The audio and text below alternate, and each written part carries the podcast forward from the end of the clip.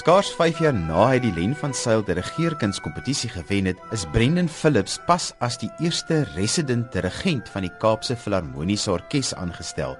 Louis Heineman, die uitvoerende hoof van die KFO, gee vir ons die agtergrond. Brendan word ons eerste resident dirigent. Uh met ander woorde is hy uh, as mens die Engelse term kan gebruik in-house uh, dirigent wat uh, ons baie trots op is.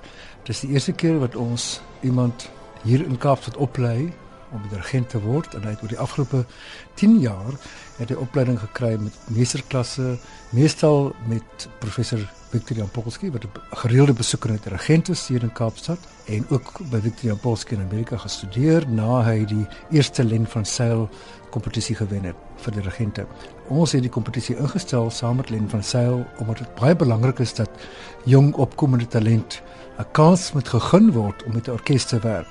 Ons het Brendan 'n paar kansse gegee en hy het al die kansse met albei hande aangegryp en soos die ou van die 18 destyds gesê het, ek hou daarvan as 'n plan bymekaar kom. En dis presies wat gebeur het. Wat ons gehoop het gaan gebeur, het gebeur. Uh, Brendan het ontwikkel in die afgelope 10 jaar 'n ongelooflike goeie dirigent. Die orkes hou van hom. Uh, hy kry goeie resultate. En nou kyk ons net vorentoe. Dit is te lekker om te sien een van ons eie opgeleide dirigente.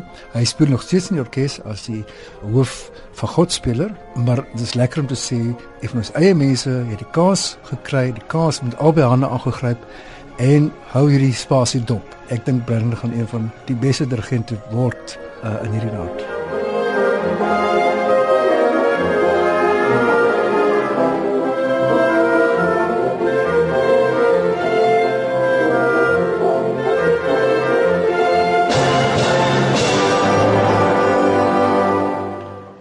Brendan Phillips is 'n boerling van Mitchells Plain, is 35 jaar oud en ek het met hom gesels oor hierdie nuwe uitdaging.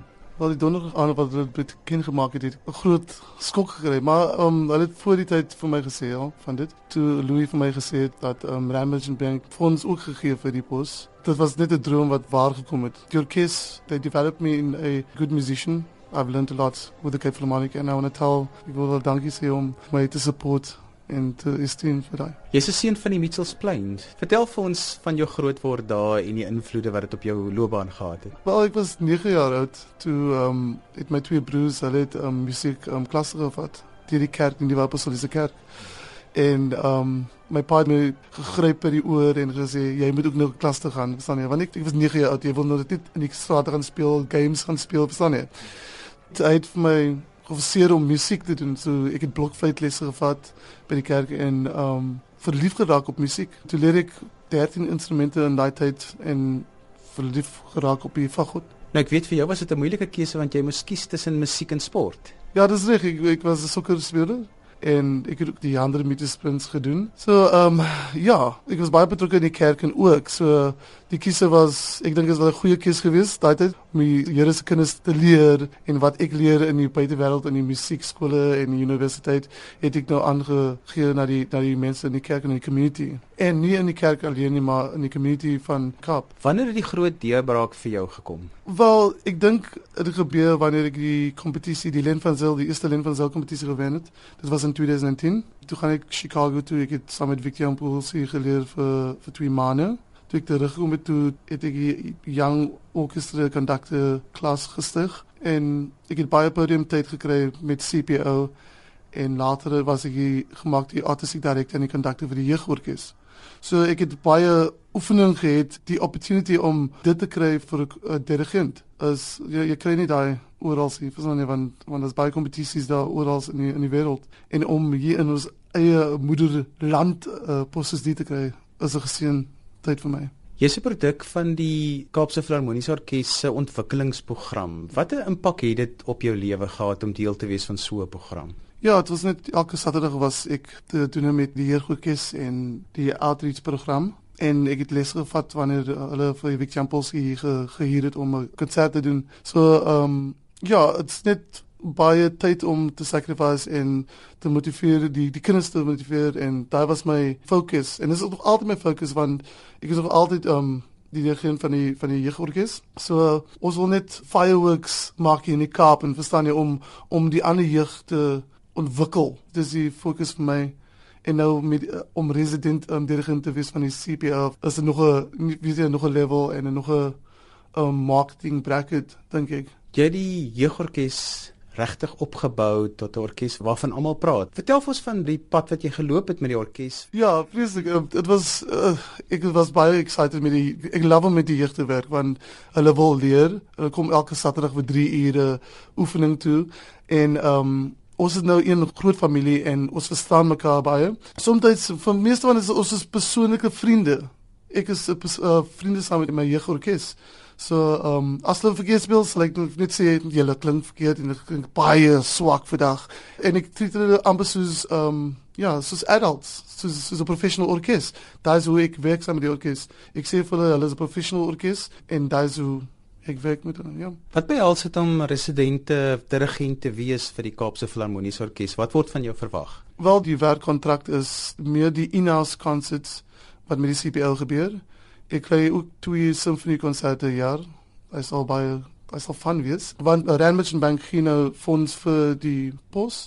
So ek sal saam met um, Richard Cock ook werk by die um classical pops concerts soos vergeleë in die einde van die jaar in Nederburg. Sal ek nou um ook van die flikke dirigeer met Richard Cock. So ons gaan baie close wees met al die konserte wat die R&B sponsor. Toe jy vir die eerste keer voor orkes gestaan het as 'n dirigent, want jy het lank gespeel in die orkes, maar jy daarvoor gaan staan, wat het in jou kop gegaan en hoe het dit gevoel? Ja wel, um, om jou eie kollegas te, te dirigent was 'n bietjie van 'n weet jy ek is nou 10 jaar in die orkes en um wanneer ek in die orkes gekom het die eerste keer in 2003 ek was toe 21 jaar oud verstaan jy so om my kollegas te leer of te beduie hoe om te speel of daai was verkeerd moet jy nou 'n bietjie van 'n attack hit verstaan jy want jy wil die jou kollegas offend nie of iets so daai verstaan jy so en hulle support was fantasties gewees in die performances wat ek uh, in die afgelope jare was baie jy weet jy kry daai groot support en hy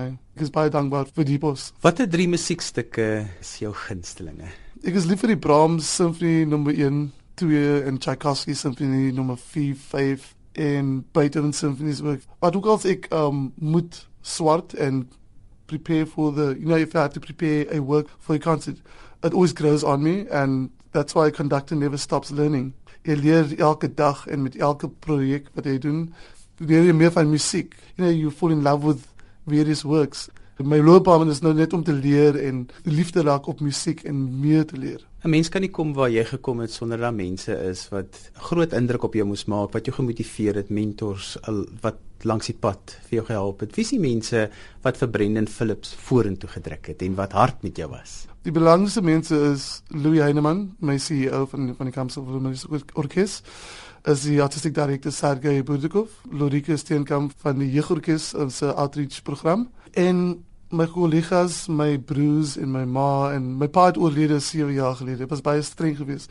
So hy is altyd in my gedagte en my eerste vergoedspeler en onderwyser wat oorlede ook 8 jaar gelede. Todo Balkenjev en Maria de Toey wat nou in Holland is. Ariantine En nou die meeste belangrikste persoon wat so vir my support en vir my drive is my vrou. Ek is 3 maande getroud. So sy's amazing. Sy's baie sweet en sy verstaan nou meer my werksituasie want om 'n musician te trou is 'n bietjie van 'n en 'n dirigent. Verstaan jy, jy moet weggaan vir 'n week, twee weke en dit gaan baie hektiek wees op die tyd. Maar daai is die sacrifice wat ons gaan doen en sy sy's amazing. Dis baie lief vir haar. Wat was vir jou die hoogtepunt sover van voor orkes staan? Ek dink die hoogtepunt was wanneer ek in ehm um, die konsertgebou gedirigeer het want ek was op die podium gewees waar van Karian, Ricardo Muti, hulle almal daar gewees het. En dit was van saam met die Miyagi uh, Youth Orchestra wat ek daar gewees. Dit was laas jaar gewees. En ek het daar gestaan en ek het die gebou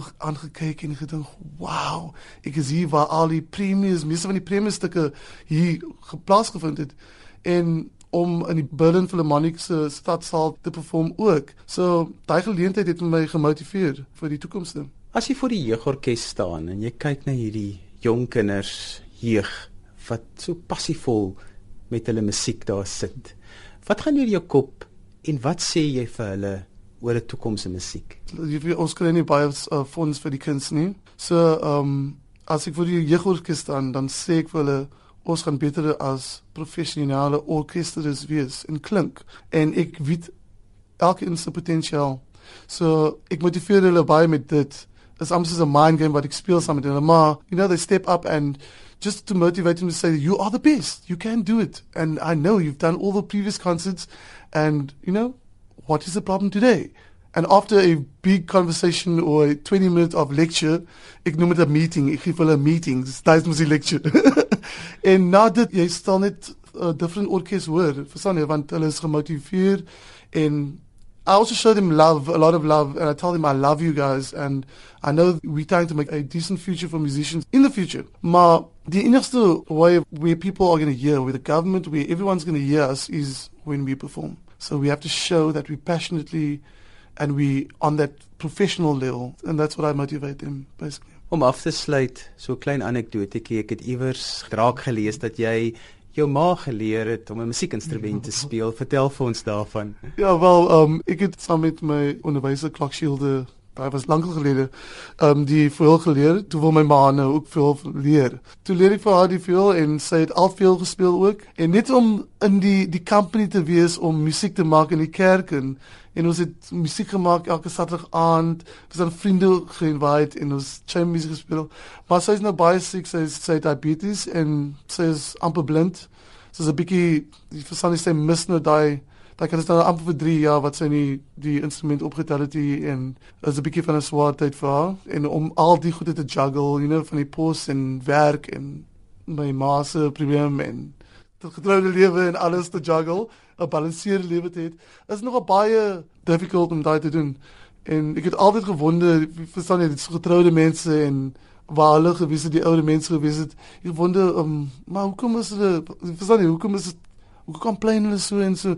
Maar nou is ek getroud en ek sien verstaan jy ek sien nou hoe dit is op daai kant van die aan die lyn maar ek is geseën regtig waar. Ek ek love wat ek doen en ek sal sacrifice vir my familie en ek sal regtig vir my CEO en vir die kamp so vir my so proud maak sal regtig vir hard werk